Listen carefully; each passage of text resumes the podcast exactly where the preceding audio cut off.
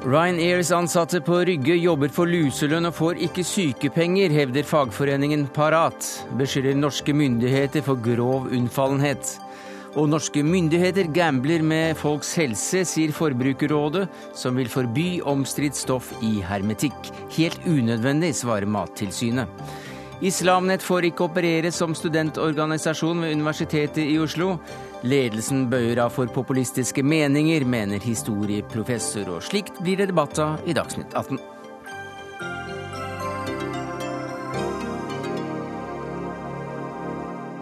Ja, Det er noen av sakene våre denne onsdagen, der vi også hyller en fagprisbokpris, en fagbokpriskritiker, og får høre om arbeidet med å finne ut om Pablo Neruda ble forgiftet av Pinochet-regimet, og som jo har gravd ham opp eh, etter 40 år i graven.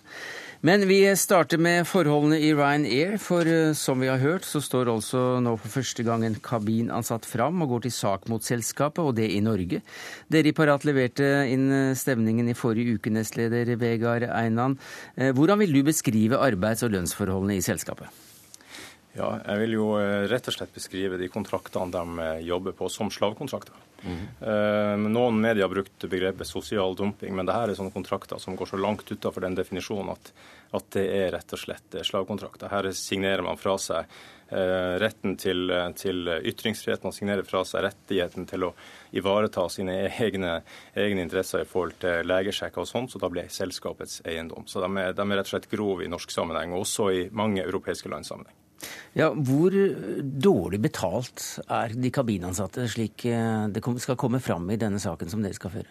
Ja, De kabinansatte som, som eh, har kontakta oss og, og, som jobber på Rygge, og er, er den betalinga som alle ansatte på Rygge har, de har 16 euro 20 cent i timen eh, per flytime, altså blokktime, som det heter på luftfartsblokk. Og Det er maks 900 timer de kan jobbe i året, og det gir dem en inntekt på 10 000 kroner i året. 10 000 kroner? 10 000 Nei, unnskyld, 10 000 kroner per måned. Mm. Uh, og, og eh, den, den inntekta de har hatt i her, med litt salgstillegg og sånt, den viser at de har ligget på ca. 117 000 kroner på årsinntekt. Hvor mye er det i Norge? Jeg tror det er mindre enn den minsteytelsen du kan få fra Nav, for å si det sånn. Lønnsnivået for, for kabinansatte, i hvert fall i de norske selskapene, så ligger begynnerlønna på, på godt over 200 000, men ikke så høyt som man kanskje skulle tro. Men allikevel over det dobbelte av det Rainer har i dag. Eh, hvor ofte, hvor lenge er de av gangen i Norge, disse det er snakk om? Ja, De her bor fast i Norge. Aha. De har leid seg leilighet og, og, bor og flyr inn og ut av, av, Norge hver eneste dag, akkurat som de norske ansatte i norske selskap. Skatter? Og skatter til Irland. 10% av sin inntekt. Dere beskylder øh, øh, myndighetene, norske myndigheter for grov unnfallenhet. Ja, det er åpenbart. Altså Her har norske myndigheter de har ikke bare sovet i timen, de har skulka timen. Eh, her har vi sendt henvendelse. Første henvendelsen gikk allerede i oktober 2010 til Finansdepartementet, der vi påpekte at eh, Rainer åpna base, og de har ansatte som bor her fast. Og hvilken politikk eh, og skattepolitikk de vil bli underlagt, spurte departementet om.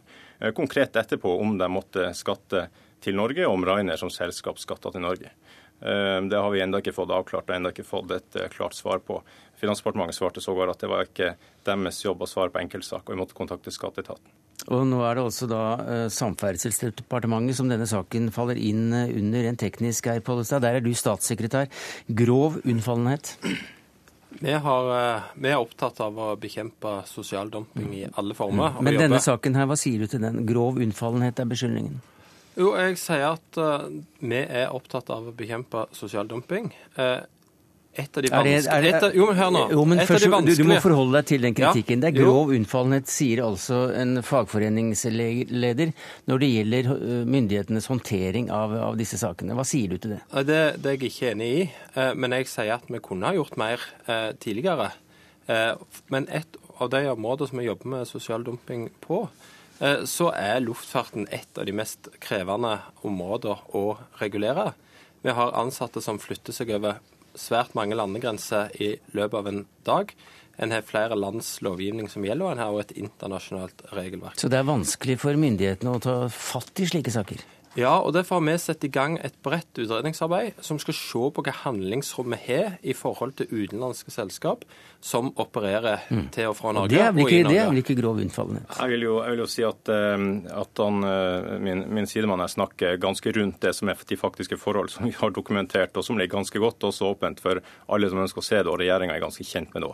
Vi sendte som sagt førstehenvendelsen i oktober 2010 til Finans, hvor vi, hvor vi påpekte at de ikke skattet i Norge. Eh, vi har videre vært sendte førstehenvendelsen til Luftfartstilsynet i januar 2011, hvor vi spurte hvilket lovverk de her ansatte skulle være omfattet av. Det har vi fortsatt ikke fått svar på, tross iherdig forsøk og masse purringer, eh, også til Samferdselsdepartementet. Vi sendte sågar i september i fjor et brev til statsministerens kontor hvor vi gir dem oppskrifter på eh, å, å regulere de her arbeidstakerne sine vilkår, fordi det finnes EU-land som har gjort det og gått opp den løypa før. Så her er det bare for, for regjeringa å, å, stille seg i sporet. De trenger ikke engang finne ut, eh, finne ut hva de kan gjøre. Vi har gitt dem oppskrifter på det. Ja, Vi har jobba med disse tingene. Vi har avklart eh, en rekke ting. Eh, Bl.a. at eh, det er Luftfartstilsynet som skal føre tilsyn med HMS-forholdene på, på Rygge, og for, for, de som da har base i Norge. Jeg har snakka med luftfartsdirektøren i dag. Det er varsla at det vil komme et tilsyn mot Rygge. Og så er det jo flere ting som ligger ut forbi de arbeidsrettslige forholdene. De skal ikke jeg gå, gå dypt inn i her. men det er ingen tvil om at vi her har et selskap som eh, utnytter at pga. den internasjonale luftfarten sin at den er regulert på mange måter, utnytter det eh, og finner smutthull i det i forskjellige land. Eh, og det må vi eh, jobbe for å stoppe. Det vil vi gjøre bl.a. med et styrka tilsyn på eh, kort sikt. Men vi må òg utrede handlingsrommet. Det er ikke helt rett som Einan sier, at vi har ei ferdig, fått en ferdig oppskrift eh, fra Parat. Det er én måte å løse det på, så vi må se om det er eh, hold i, og om denne franske modellen som de har foreslått, kan overføres mm. til norske forhold. Jeg vil jo si at Den franske modellen som også har vært prøvd i EU-domstoler, det finnes, det finnes utallige eh, eh, forslag på, på hvordan lovverk EU man kan bruke. Frankrike har, har sagt at alle flyselskap som har base i, sitt, i Frankrike, skal følge fransk lovgivning både på skatt, avgifter og arbeidslivslovgivning. Det er vel utprøvd. Italia innførte akkurat det samme fra 1.1, så her er ikke noe vits at Norge trenger å prøve å ut utfordre noen ting, eller finne et handlingsrom. Eh, vi vil se handlekraft. Det er det denne regjeringa har vist stor mangel på å, å, å få til. Ja, vi har hatt eh, flere saker der eh, vi og Parat har blitt enige om gode løsninger òg. Norwegian ønsket å endre utlendingsforskriften for å kunne bruke thailandsk personell på sine flygninger til mellom Norge og Thailand. Det som er nei til å gjøre. Det var Parat mm. Eh, helt enig. Skal vi prøve å holde oss litt i den saken som vi snakker om nå? Jo, det... Nemlig denne kabinansatte-saken ved, ved, Rygge flyplass. For der er det altså da påstått at det er en slags eh, slavekontrakt, og det er 122 kroner i timen for den aktive flytidsperioden det er snakk om. Eh, er det, er det en standard som departementet kan gå god for i Norge? Nei, det er et lønnsnivå som ikke er akseptabelt i eh, Norge. Eh, så, så, hva vil Norge kunne gjøre med det på sikt? Nei, Der er det jo sånn innenfor akkurat når det gjelder lønna og størrelsen på lønna, så er det verken innenfor luftfarten eller i noen andre bransjer som er allmenngjort, eh, minsteregler om lønn i Norge. Det er det enighet om blant arbeidsgivere, arbeidstakere og myndigheter om at sånn ønsker vi å være. Det er privatrettslige forhold som, som reguleres mellom eh, partene. Vår rolle i dette må jo være å sikre at det, liksom, det psykososiale arbeidsmiljøet og andre forhold rundt folks arbeidshverdag, og det som går på skatt, det som går på trygderettigheter, mm. at folk får de rettighetene som de har etter det norske systemet. Men det betyr det, det at utenlandsk arbeidskraft i Norge kan tjene f.eks. fem kroner timen? I eh, prinsippet på denne type saker så er det noe som det ikke finnes eh, regler om minstelønn på. Bør, bør det finnes minstelønn her? Ja, det er jo en svær diskusjon, og der har jo både arbeidstakerne og arbeidsgiverne blitt enige om at vi ikke skal ha et minstelønnssystem i eh, Norge. Eh, men det som er spesielt med luftfarten, er jo at arbeidet pågår ikke nødvendigvis i Norge. Det er utenlandske selskap som flyr til og fra Norge. Ja, Men de bor jo her, de, de, Ja, og i den grad en bor her, så må en jo sørge for at en øh, oppfyller de skattereglene som er. At ja, en får de? De sosiale... Gjør disse her det? Det er ikke mitt bord å gå inn på, men jeg vil uh, mene at vi må gå spesielt inn på forhold rundt uh, luftfarten på disse områdene og se på det. Og også at en får klarhet i om disse har en sånn tilknytning til riket som gir de rett på trygd og plikt til å betale arbeidsgiveravgift og trygdeavgifter. Mm. Er det beroligende? Nei, overhodet ikke. Altså, og, og, Det er jo litt spesielt at Pollestad fra Samferdsel sier at det er ikke mitt bord med, med, med skatte og avgifter. Nå har regjeringa sagt at det er Samferdselsdepartementet som skal håndtere og koordinere denne saken. og Ingen andre departement skal uttale seg. Eh, og Da er det jo klart, da har man jo, har man jo bundet debatten veldig. For det faktum her er jo at Finans også har en rolle uten å, uten å gjøre noe, for de har visst om at de her betaler ikke skatt. Og Det har de ikke gjort siden 2010. Eh, og de lever altså på 10 000 kroner måneden. De har ei ukes oppsigelsestid, to ukes oppsigelsestid mellom to og fem års ansettelse. De har, de har altså krav om at hvis de er syke, så skal Rainer kunne sende lege hjem til dem. Eh, og funnene som, og, og, og undersøkelsen som legen gjør på den ansatte, skal kunne deles med Rainer, og journalen etterpå er Rainer sin eiendom.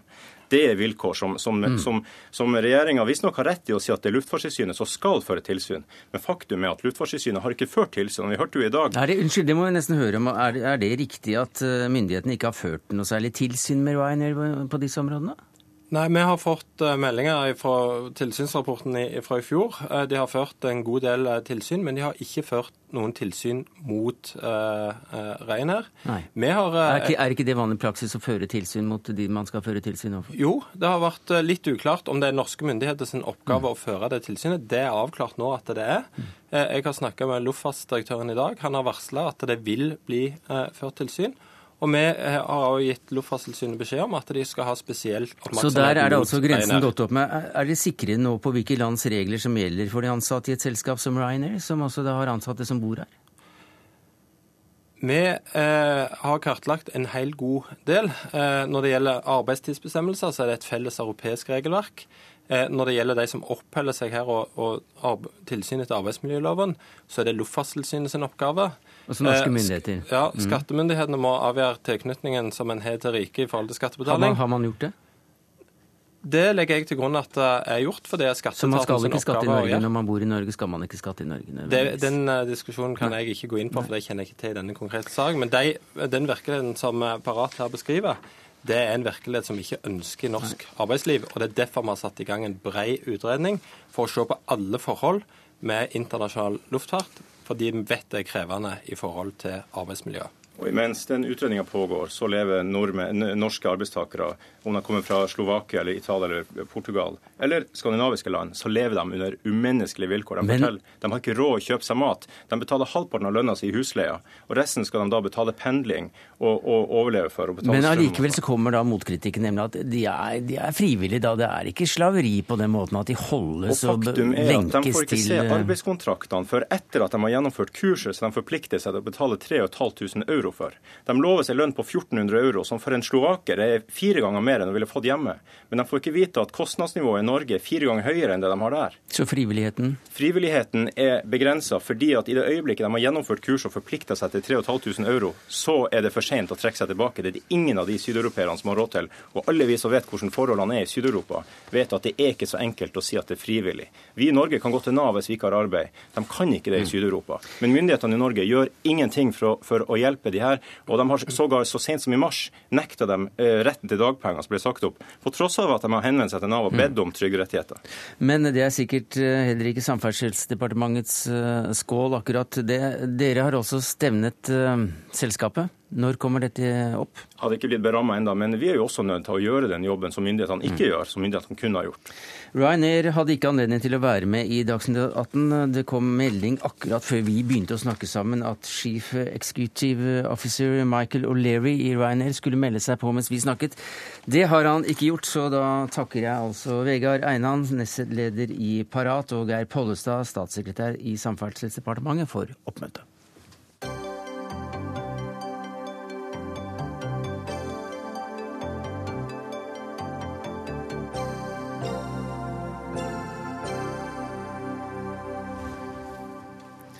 Ja, det var nok uh, noen som uh, måtte gi skiva med makrell i tomat et par ekstra tygg i dag uh, morges, da vi fikk høre at det giftige stoffet bisfenol A finnes i mye av emballasjen vi plukker maten ut av, og særlig da i hermetikk. For bisfenol A mistenkes for å ha en rekke skadevirkninger, bl.a. på fosteret og forplantningsevnen. Marit Evertsen Grimstad, du er programleder i Forbrukerinspektørene her i NRK1. Og dere ville finne ut av hva som skjer med kroppen eh, om dere lever på hermetikk fisk, som makrell til mat f.eks., og joikakake for den saks skyld, eller fiskeboller i et par dager. Hva fant dere ut? Vi fant ut at eh, man kan bli mektig lei av hermetikk. Det var kanskje det første vi fant ut. Mm. Men det vi ville vite, var jo ikke hva som, hva som var gærent med maten, men om bisfenol A går fra boksen over i maten og så inn i kroppen vår. Gjør den det? Det gjør den. Vi fant ut at eh, på de to dagene, eller etter bare én dag med hermetikkdiett, så økte verdiene mine og en ansatt i Forbrukerrådet som også var med på dette forsøket, med 1600 og 729 det var eh, resultater som jeg tror alle måpte over.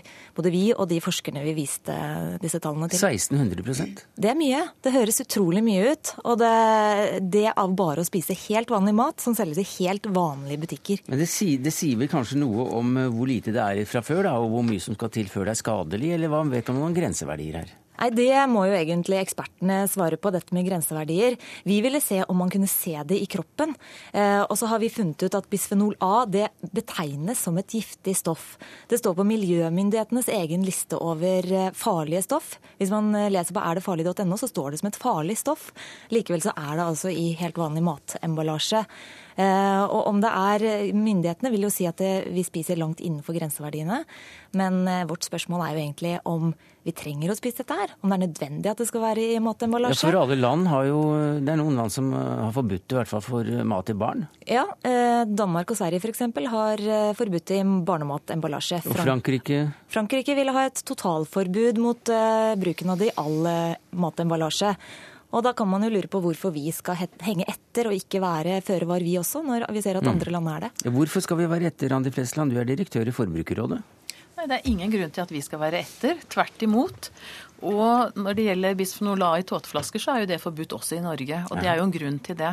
Så det er jo ikke noe tvil om at dette er et stoff som ikke egner seg for menneskeføde. Eh, nå er jo forskere litt uenige, og da er vi opptatt av at da må tvilen komme forbrukerne til gode. Vi kan ikke bruke oss som forsøkskaniner og at vi skal bære risikoen. Da må man finne alternativer og rett og slett totalforby dette stoffet. På den annen side så kan jo bransjen selv ta et ansvar og velge andre stoffer. Vi har, vi har, vel ikke noen eh, lege med oss her, men, eh, men hva er det dette stoffet gjør med folk? Eller med forsøksdyr, eller med hva som helst? Ja, dette er man kaller det et hormonforstyrrende stoff, østrogenlignende, som gir en del eh, effekter. Annet så kan det sette ned fertiliteten, altså forplantningsevnen. Mm -hmm. Det kan eh, påvirke deg i forhold til at det er flere som I dyreforsøk er det påvist kreft, spesielt testikkelkreft og brystkreft. Og vi ser også diabetes, fedme, ADHD. Altså det har en del effekter i dyreforsøk. Og så er det vel noen som da sier at eh, ja, men det er jo ikke bevist hos mennesker. Nei, takk og pris for at det ikke er bevist hos mennesker, for da er skaden skjedd. Mm. Det tar veldig lang tid før du gjør det, og det kan skje mye skade. Og da er vi i Forbrukerrådet opptatt av føre var-prinsippet. Her er det en risiko. Ta det vekk. Du er ikke så veldig engstelig, Merete Steen, som seksjonssjef for forbrukerhensyn i Mattilsynet. Hvorfor ikke det?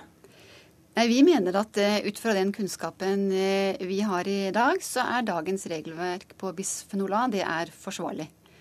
Og det er uh, bl.a. to grunner til det.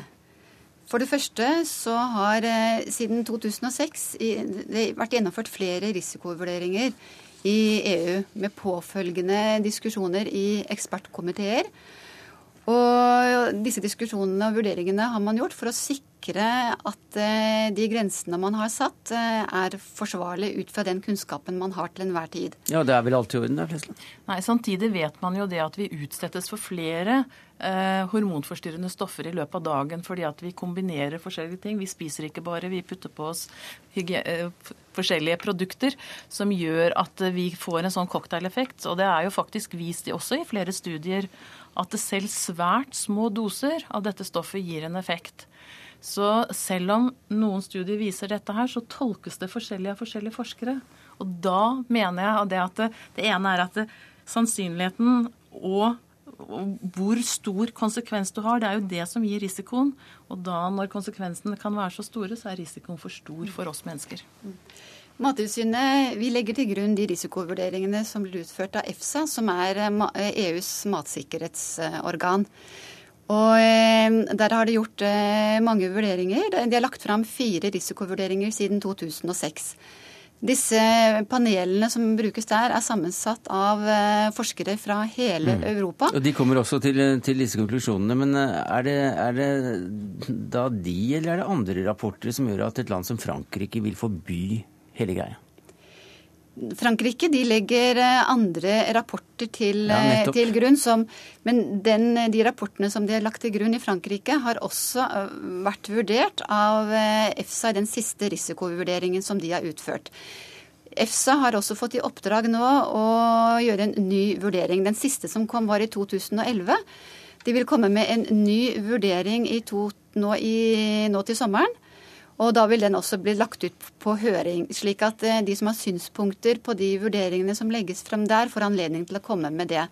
Det er også veldig nær og tett kontakt mellom de vurderingene som nå gjøres i EFSA, og de, som, eh, de, forskerne som sitter mm. og gjør disse vurderingene for franske myndigheter. Er du beroliget, Flesland? Nei, jeg skjønner egentlig ikke hvorfor vi skal sitte og vente på dette. Jeg syns at uh, norske myndigheter bør gå i bresjen.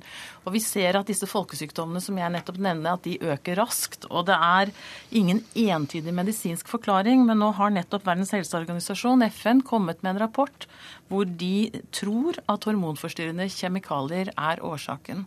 Og da er jeg atter tilbake til det. Når det fins alternativer, hvorfor utsette oss for dette? Altså, vi har forståelse for at eh, når man gjør den type forsøk med å spise veldig mye hermetikk og ser at eh, nivåene stiger, så, 1600 så kan man bli bekymret. Ja. Men eh, vår vurdering er at når man, man, starter med et veldig lavt nivå, og så kan det se ut som et veldig, høy, veldig høyt nivå fordi man får en stor økning. Men eh, vår faglige vurdering er at de nivåene som også der ble sett, var eh, lave. Hvis vi sammenligner med den anbefalte daglige inntaket, som enn så lenge er det som eh, man forholder seg til EU. Det er noen som driver og spiser veldig mye hermetikk? Så ekstremt mye inntak av hermetikk, det er ikke vanlig. Drikker mye boksøl? Ja, men selv om man altså Nå har man gjort eksponeringsstudier både i, i Norge og i EU ut fra de kunnskapene man har om hva folk tar i seg, og man ser det at de eksponeringsdataene man har, mm. de er lavere enn det som er anbefalt daglig inntak. Det hadde jo vært eh, greit om vi som forbrukere kunne velge om vi ville utsette oss for dette stoffet eller ikke. Men sånn som det er i dag, så vet ikke vi når vi går i butikken og kjøper den maten som er i butikken, om det er bisfenol i hermetikken eller i emballasjen, da, eller ikke. Og da syns jeg det er rart at myndighetene ikke da tar et føre-var-prinsipp og lar oss slippe å mm. utsettes for det. Mye mer om dette i FBI på NRK1 i dag klokka 19.45. Takk skal du ha, Marit Evertsen Grimstad, programleder i programmet. Merete Steen, seksjonssjef for forbrukerhensyn i Mattilsynet. Mattilsynet, og Randi Flesland, direktør i Forbrukerrådet.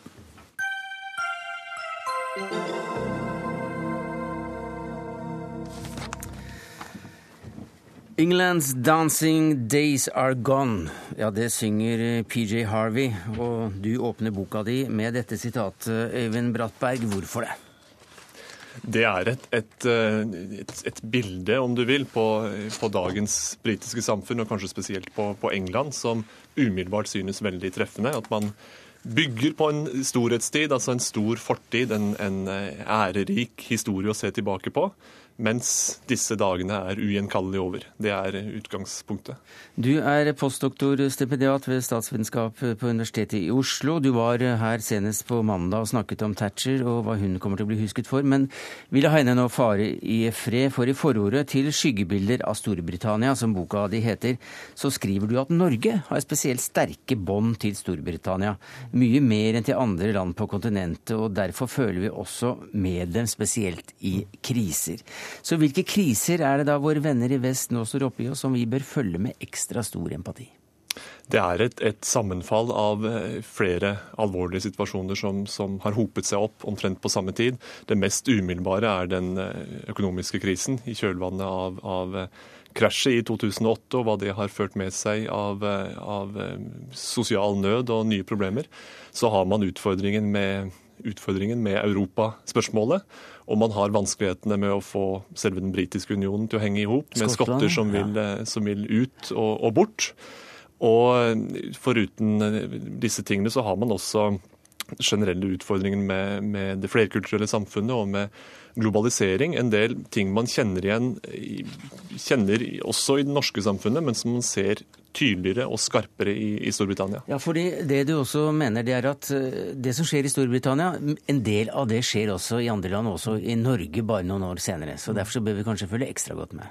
Ja, det er nettopp det som er, er mitt utgangspunkt. Ja. At man, man har mange av de problemer eller, eller, de spørsmål som man eh, har å hanskes med i, i, dag, de er kastet ut på dypere vann, så å si, i Storbritannia. Debatten er, er hardere, spørsmålene er klarere.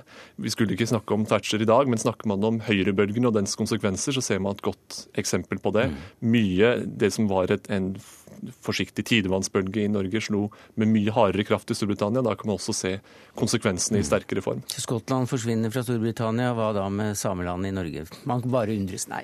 Men uh, uansett så er det da et spørsmål om uh, å skape seg en ny identitet, som er en slags uh, rød tråd gjennom boka. og også partiene skriver du at leter etter det. Og du, du skriver om blå sosialister og røde konservative. Mm. Det, det, de forenes av, de fra venstresiden og de fra høyresiden som nå er i gang med, med nye historier rundt leirbålet, så å si, det er jakten på nye fellesskap, altså nye premisser for å henge i hop som samfunn, rett og slett. For det er noe av ettermælet fra 1980- og 90-årenes politikk. En, en, individualisering og en, en sosial isolasjon som gjør at man savner noen av de samlende historiene, noen av de, de, premissene som må ligge til grunn hvis man skal føle at mm. man har felles tilhørighet. Ja, er det derfor du har undertittelen på boka 'Tradisjoner i en krisetid'? Det er det. Ja. Og man kjenner igjen på mange hold, enten det gjelder de, de, gamle politiske institusjonene, eller det gjelder en del av verdisettet som man kjente som det erkebritiske. Men er ikke det fremdeles et veldig sterkt lim i det britiske samfunnet? Det er et, et, sterkt lim, men det er et lim som eh, La oss si at man, man tenker på tilhørighet til til de klassiske institusjonene, til monarki og parlament og til, eh, til flagg. flagg. og til te på ettermiddagen og, og, og, og så videre, så, så, er det klart at det møter nye utfordringer i et land hvor, hvor, eh, innvandringsbølgene kommer på ny og på ny, ikke bare fra imperiet, men også fra Europa, hvor man har internasjonal kapital i et større omfang enn før, hvor man er identitetsforvirret på veldig mange områder så uh, skriver du at Du sier i hvert fall til Dagsavisen her at uh, Storbritannia er dypt eksotisk for oss. Mm -hmm. Og det er litt pussig, for det er en stund siden vi fikk uh, Andys pub en, på ethvert tettsted. Det, det, er det jo, men jeg snakker som en, en vanlig norsk eh, Storbritannia-entusiast og vet at hver gang jeg kommer, til, kommer dit og møter eh, tepper på badet og, og egne varmtvannskraner og, og, paier så dype som, som tre, tre, en trefots eh, stav i, i lokale puben, så er det i seg selv et møte med noe eksotisk, noe man føler man kjenner, men som likevel er svært annerledes fra det å reise til Telemark på, mm. på sommertur. Så liker de altså da dovent, lunkent mørkt øl? Det gjør de, gjør de, også. Det er det ikke alle blant oss som gjør, men ikke desto mindre. Men så uh, slutter du da. De, de, siste setningene i boka har eh, en fantastisk fin overgang fra de første ordene, nemlig de siste er da Men viljen til å få et bedre samfunn på beina er lys levende.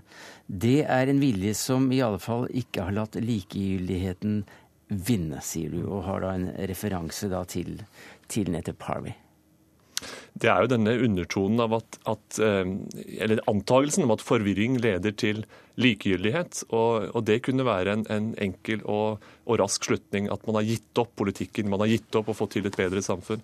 Eh, mitt inntrykk er at det bestemt ikke er tilfellet. Man er iherdig på jakt etter nye og bedre løsninger for, for samfunnet. Både politisk, økonomisk og på, på, andre områder. Så The Dancing Days er ikke over, det er bare et lite taktskifte? Det er et lite taktskifte, og så er man snart over i, i tango. Det er iallfall planen.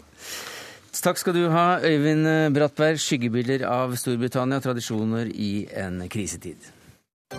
Hør Dagsnytt 18 når du vil, på nettradio eller som podkast. nrk.no – dagsnytt 18. Ja, Det har altså blitt en del debatt rundt eh, studentforeningen til Islam Nett. Den uh, organisasjonen har fått avslag på sin søknad om å bli studentforening ved Universitetet i Oslo nå forholdsvis nylig. Foreningen har tidligere vært kritisert for bl.a. sitt kvinnesyn og for å ha hatt uh, foredragsholdere som oppfordrer til å steine homofile etc. Jon Peter Collett, som professor ved Universitetet i Oslo, så har du nå kritisert Universitetet i Oslo for å ha avslått Islamnets søknad om å bli studentorganisasjon. Hvorfor det? Det har vært en tradisjon fra universitetet startet i 1813 at uh, universitetsledelsen har garantert studentene full organisasjons- og ytringsfrihet. Det var ganske modig gjort i 1813, da Norge fortsatt var styrt av den eneveldige kongen i København.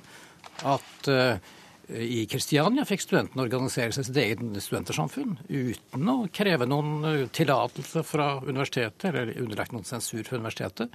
Universitetet i København hadde prøvd det samme noen få år før og fått avslag nettopp fra universitetet som ville sensurere eh, studentene. Dette har ikke vært, det har ikke vært tilfellet ved Universitetet i Oslo noen gang.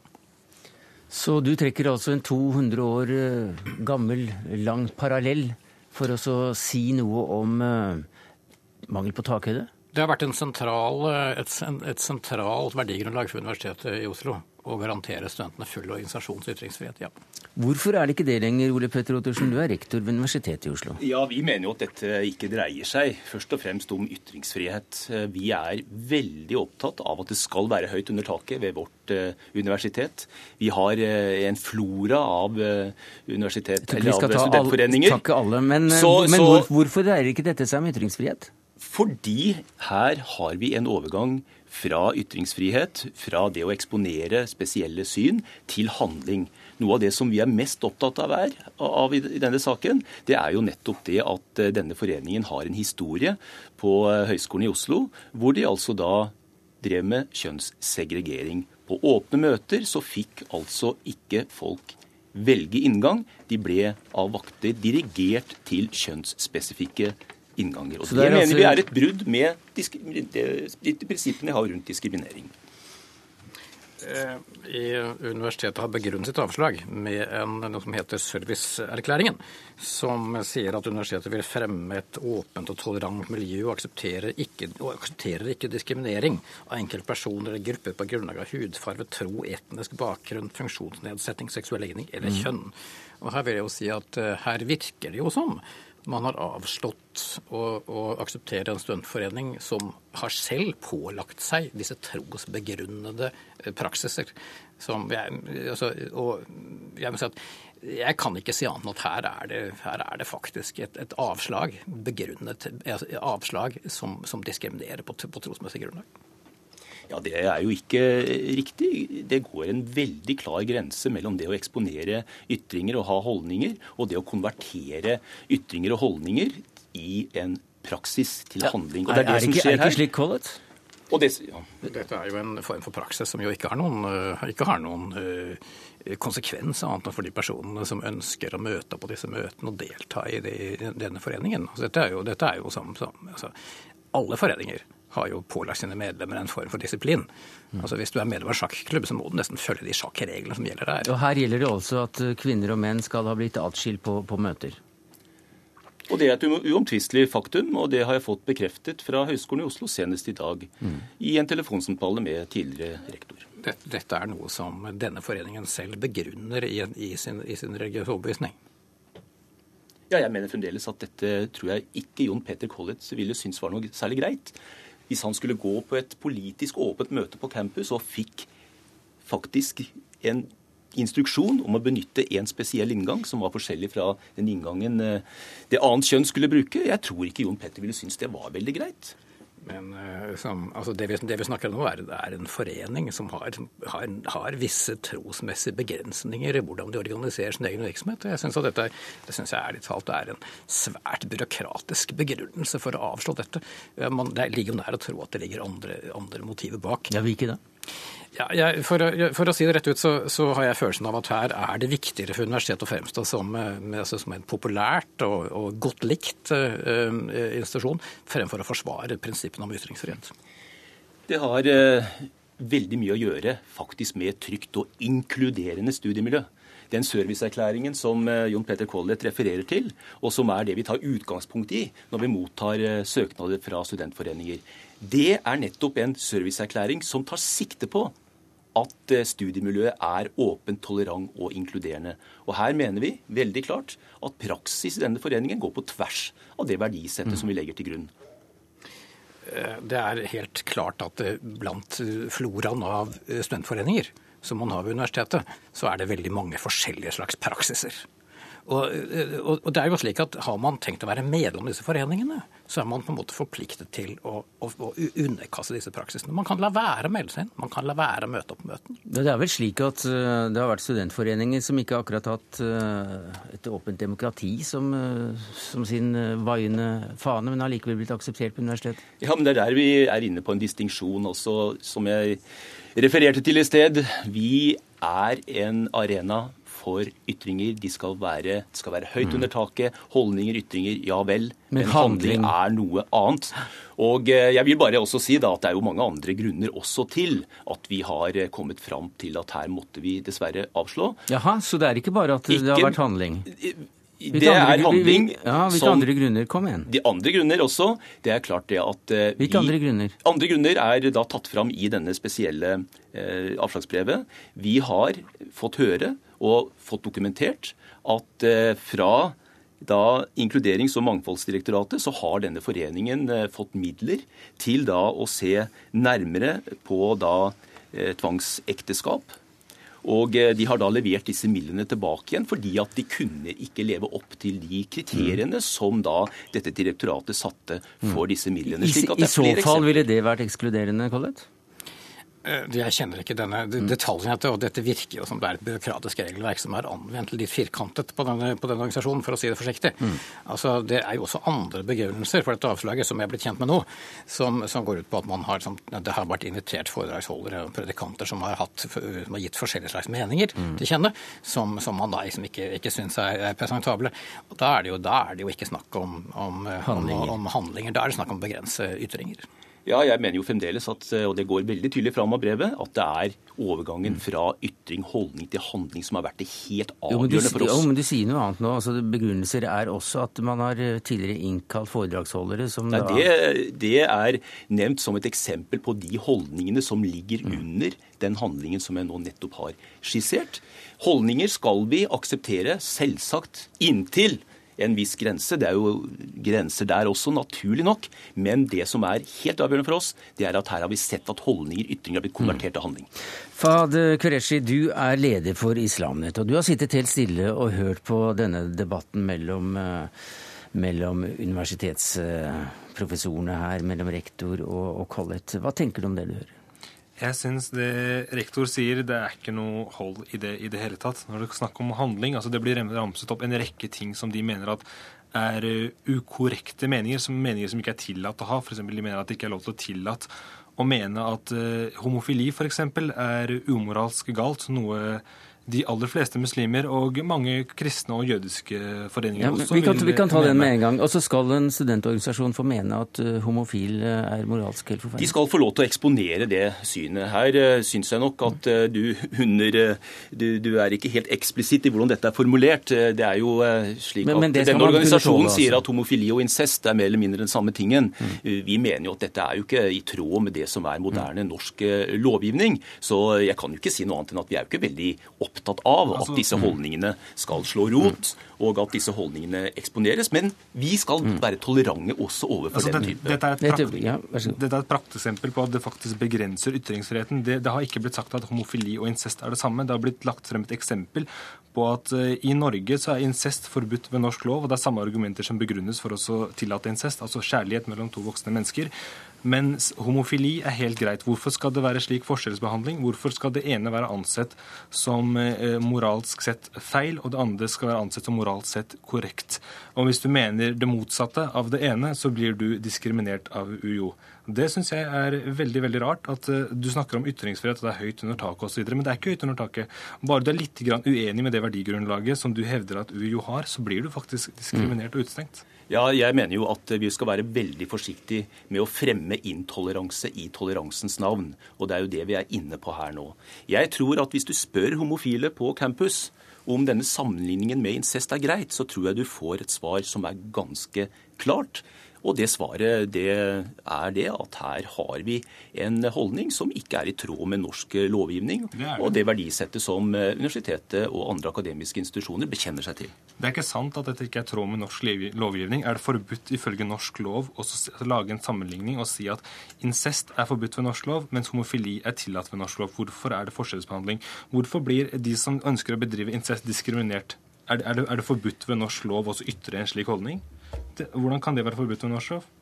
Det jeg mener er at her skal vi ha som en helt viktig og primær faktor at det skal være et trygt og inkluderende studiemiljø også for de som har en annen seksuell legning, i tråd med vårt verdisett og vårt regelverk. Altså, det er mye som nevnes om trygghet, trygghet, trygghet. Men jeg må spørre, hva er det ved islamnet som er utrygt? Hvordan er det islamnet påfører en utrygg Altså, Vi oppfordrer ikke til vold, vi oppfordrer ikke til Det kan du få svar på med altså, Vi oppfordrer ikke til å skade homofile, homofil eller noe som helst. Det må det, vel, må det vel være lov til å mene at en seksuell handling utenfor ekteskap Det gjelder ikke bare homofile engang. Ifølge islam så er all seksuell ut, kontakt utenfor ekteskap forbudt. Betyr det at, at vi diskriminerer menn som onanerer, f.eks.? Betyr det at vi diskriminerer menn som har seksuelt samkvem utenfor ekteskap? Altså, dette, blir bare latterlig. Beklager om ja. Ja, og jeg vil bare holde fast på det, at uh, dette oppfatter jeg som et diskriminerende syn overfor homofile. Men hvorfor ikke overfor de andre som ønsker å ha seksuelt samfunn utenfor ekteskap, som er heterofile?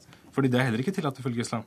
Hvorfor diskriminerer du ikke Nei, Jeg kan ikke gå inn på de distinksjonene, fordi det, det, det blir for vanskelig for meg. Det, ja, det, det, blir, det, blir, litt vanskelig.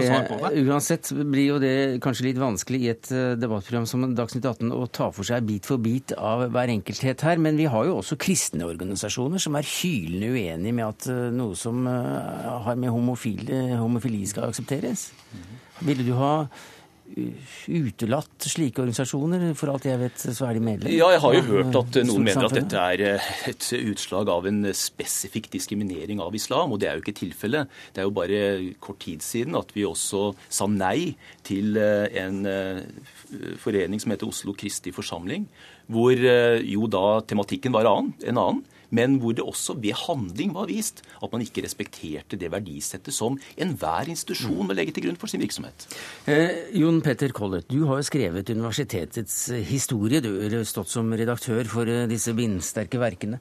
Eh, men eh, hvor går da Det, det går vel en grense også for en, en Collett her når det gjelder å kjempe for, for mulighetene for for å ytre seg? Altså Hva hvis en veldig høyreekstrem organisasjon ville ha innpass som studentorganisasjon? Hva med nynazister? Vi, vi har lang erfaring for at uh, hva mange ville kalle ytterliggående venstreekstreme organisasjoner hadde full ytringsfrihet ved mm. universitetet. Men hva med nynazister, un, un, un, Universitetet var en mer sterkt press på, på 60- og 70-tallet for, for, å gripe inn og forby det ja, som da ble regnet som så, Det gjorde man ikke. Ja. Men hva med, hva med nynazister?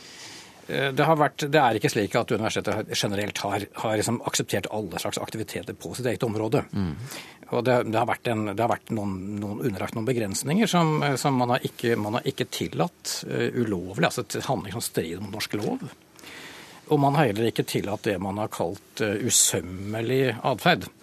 Og Hva usømmelig er, det er jo, det kan jo ikke, det er ikke noen sånn allmenn regel for, det forandres over tid. Men det var f.eks. oppe på 1960- og 70-tallet, da dette med sånn sex i det offentlige rom liksom, var noe nytt. Da oppsto noen sånne problemer som, som, som universitetet da sånn, valgte å avgrense seg mot visse former for, for aktiviteter. Ja.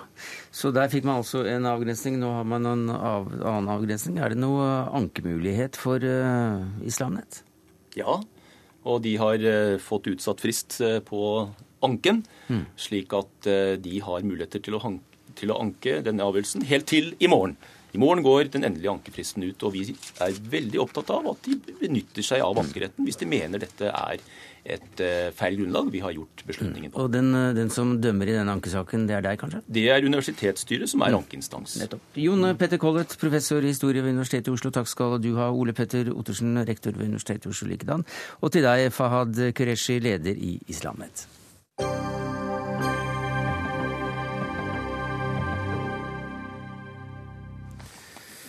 Denne uka ble Pablo Nerudas levninger gravd opp igjen fra graven ved huset hans på Isla Negra. Kisten skal være i god stand og kom i går til universitetssykehuset i Santiago, hvor undersøkelsene også da er i full gang.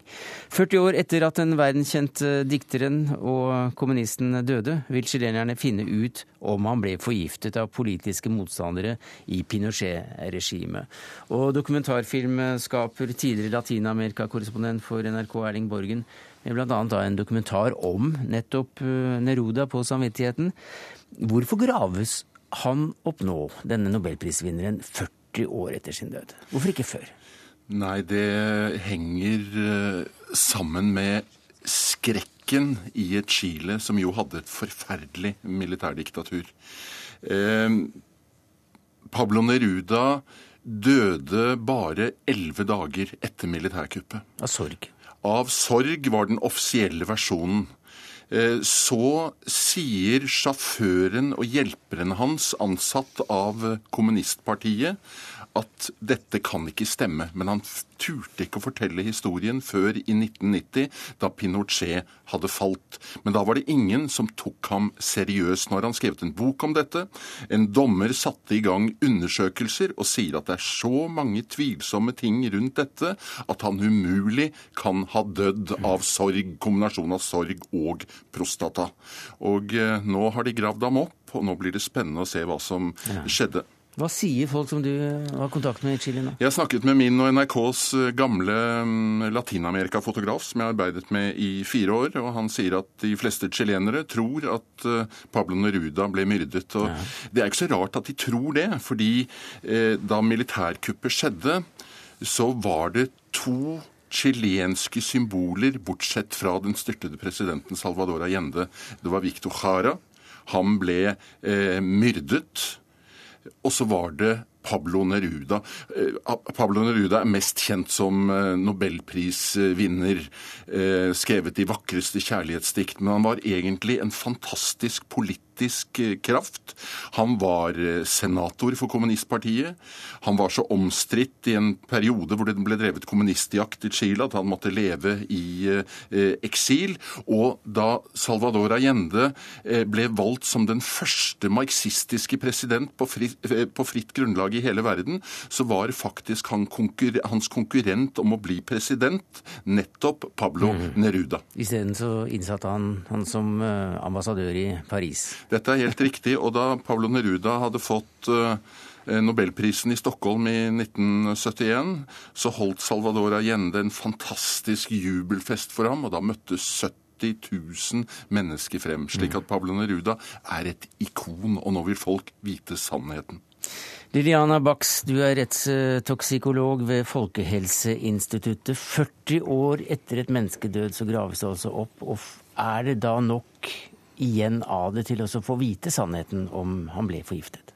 Ja, med litt flaks så, så er det jo det. Eh, man har jo funnet eh, f.eks. kokainrester i mumier i Peru som var 3000 år gamle. Mm -hmm. så, så, litt avhengig av hvilket stoff det har blitt brukt, og, og hvilket materiale man har å analysere, så er det mulig. Men hva slags stoffer, hva slags gift er det som, som eh, man kan finne? Altså, faktisk de fleste stoffer, altså de fleste fremmedstoffer som vi får i kroppen i form av, av gifter eller av medikamenter, gjenfinnes i, i kroppen. Noen, noen blir uh, borte med forrådnelse, men veldig mange blir uh, i, i, rester av kroppen uh, veldig lenge. Hvordan går man fram for å finne ut om det er rester av gift? Det er, det er, veldig komplisert. Man kan jo, fordi Det er lettere å finne noe, noe hvis man vet hva man leter etter.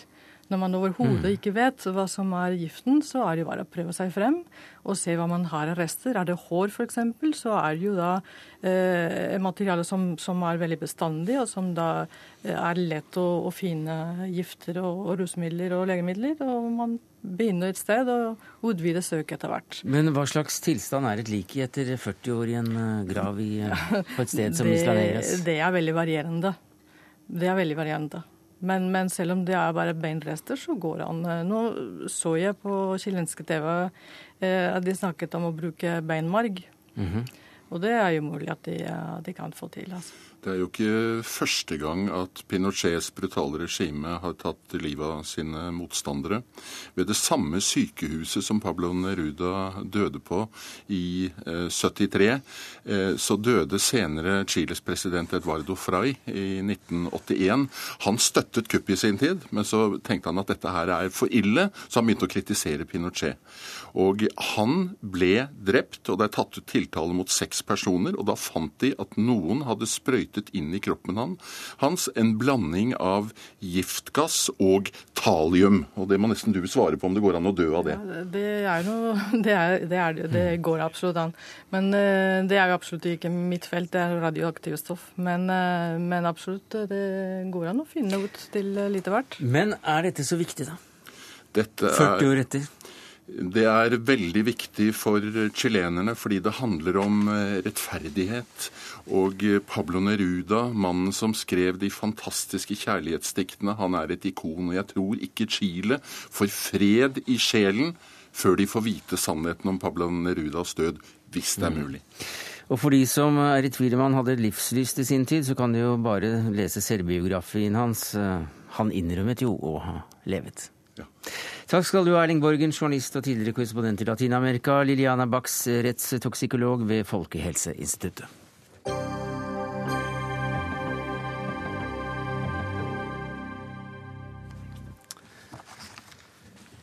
Ja, inn kommer en prisvinner, så gratulerer med prisen, Espen Søby. Takk skal du ha. Det er vel en stund siden vi har hedret fagbokkritikerne nå i Dagsnytt 18, så det var på tide. For uh, Olav Dagal, uh, Dalgards kritikerpris gikk da i år til deg som sakprosakritiker. Og hvorfor ble det Søby, Inger Birgit Østenstad? Du, er, du har satt i kritik Kritikerlagets jury.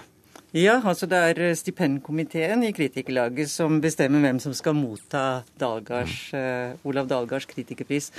Og Det er jo en, den høyeste utmerkelsen som Kritikerlaget har. Er, det er en ordentlig pris som består av en bronsestatuett og penger, så dette er, det er virkelig det fineste vi kan dele ut. Ja. Og det går til en kritikers samlede produksjon, på en måte. Og da var det veldig naturlig. Og, for det første så, det, så, så var det på tide å hedre fagbokkritikken, som ikke tidligere har eh, blitt hedret på denne måten. Men hvordan skiller Søbe seg ut fra andre kritikere? Ja, For det første så har han en faglig bredde og tyngde som er eh, helt spesielt. Han har en, en spesielt uh, han har et engasjement og en, en, en, variasjon i hva han ønsker å skrive om, og han trekker inn sin, sin faglige bakgrunn.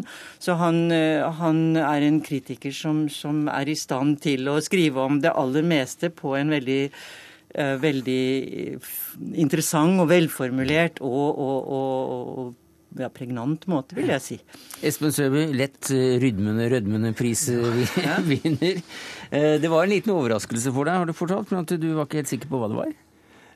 Nei, jeg ble jo jeg, jeg, fikk jo vite dette litt på forhånd, da. Og jeg ble litt overrasket, fordi jeg hadde ikke hørt om denne prisen før. Og det var litt pinlig å være så ignorant, da. Mm. For nå har jeg jo satt meg inn i hva denne prisen er. og En veldig flott pris eh, som jeg er veldig glad for å ha fått. Du har fått flere priser for arbeidet ditt, bl.a. Ble, du, da ble du årets litteraturkritiker i 2006. Men det var vel ikke helt planen din i utgangspunktet å drive med dette anmelderiet? Nei. Eh, jeg prøver å holde opp med det hele tida, fordi jeg mener at eh, det er, ung, det er, ungdommen som skal drive med det som er eh, altså, aggressiv og mot autoriteter, og, og, og, og, som vil gjøre opprør mot uh, etablissementet. Så når man kommer litt opp i åra, så tilhører man jo sjøl på en eller annen måte etablissementet, da, og, men, men, men, fristelsen eh, blir for stor da, når jeg blir spurt, og jeg jeg klarer ikke å la være, så Er ikke unge bra nok? Ja, de unge er kanskje litt konfliktunnvikende, og det er ikke noe bra egenskap eh, hvis du skal være kritiker. Men du, da, da, forstår jeg det Dagbladets Mikael Gode skrev om deg, at du ikke er typen skribent som napper maktmennesker i bukseleggen, men at du minner mer om grevlingen som ikke slipper taket før det knaser i bein. Ja, det er jo veldig voldsomt, da. Jo, men du er, ganske, du, du er kjent for å være ganske grinete også i dine anmeldelser. Altså, hvorfor er du såpass negativ til dine kollegaer, saksprosaforfatterne, da? Ja, Men du, du skjønner, det der er Det der er veldig rart, men det er helt motsatt. Altså, hvis du kritis, gir en hard kritikk, øh, så så, så, så, så, så får du gjerne vite at ja, det, var, det var veldig bra. og det er, aldri noen som protesterer på det, eller i hvert fall veldig sjelden noen som protesterer på det. Så, så altså De som blir utsatt for hard kritikk, de har, de har venner som som nok liker det lite grann at eh, en av deres kompiser eh, blir dukka litt. Men hvis du, hvis du roser en, da får du høre det etterpå at eh, eh, ah, han er jo ikke så god, eh, han eller hun. altså Hvorfor, hvor, hvorfor roste du den? Så, så det som er risikabelt for en kritiker, det er å rose.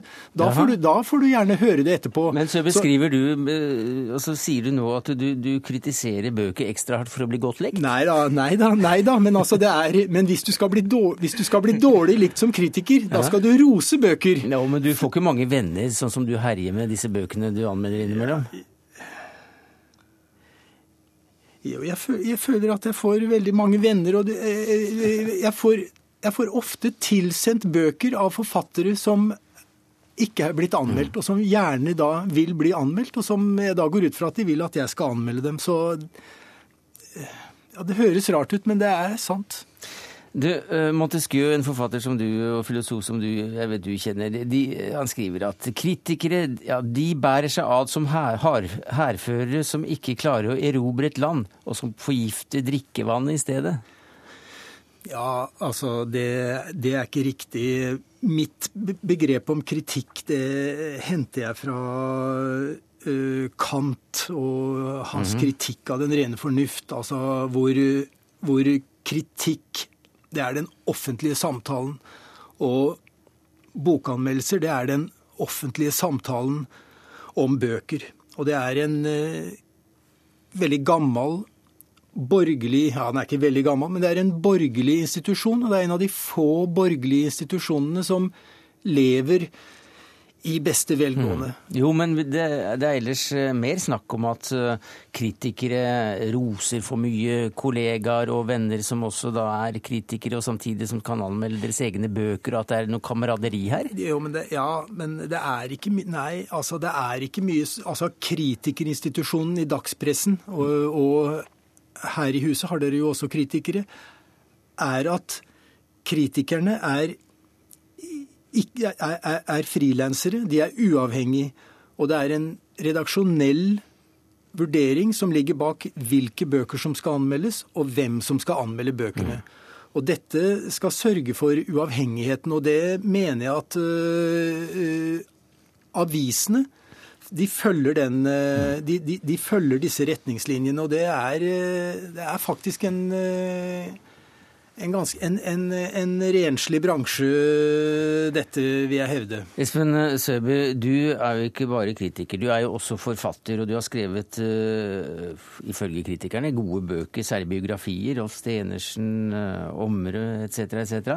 Uh, men du er jo egentlig ingen, ingen av delene, for at du er forsker ved Statistisk sentralbyrå. Ja, ikke forsker, da. Seniorrådgiver. Ja, du har vært der i 20 år. Ja, jeg, ja Og nå altså, skriver du om lenger, Norges befolkning og valg fra 1814 til 2014. Ja, det stemmer. Øh, øh, Jeg jobber i Statistisk sentralbyrå med historisk statistikk mm. og skal skrive om Norges befolkning til grunnlovsjubileet i 2014. Så det er det du egentlig gjør? Ja. Det, er, det skal være Statistisk sentralbyrås gave til det norske folk. Så gled dere. Ja. Hva tror du kritikerne kommer til å si til Uh,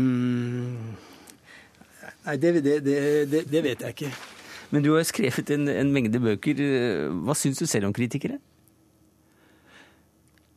Uh, nei, det er ikke noe moro å få dårlige kritikker. Altså, det er ikke det. Uh, og det er veldig lett å Det er veldig lett å um, fortrenge det. Espen Søby, sakprosakritiker, vinner da av Olav Dalgards, eller tildelt Olav Dalgards kritikerpris for 2013. Igjen gratulerer skal du ha. Inger Birgit Østenstad, takk skal du ha som forfatter og litteraturkritiker. Og jurymedlem, og så kom hit for oss å kaste glans over da årets mann innen kritikerlauget. Det var det vi rakk i Dagsnytt 18 denne onsdagen, takket være ansvarlig for det hele, Dag Dørum. Det tekniske ansvaret hadde Frode Thorshaug. Jeg heter Sverre Tom Radøy.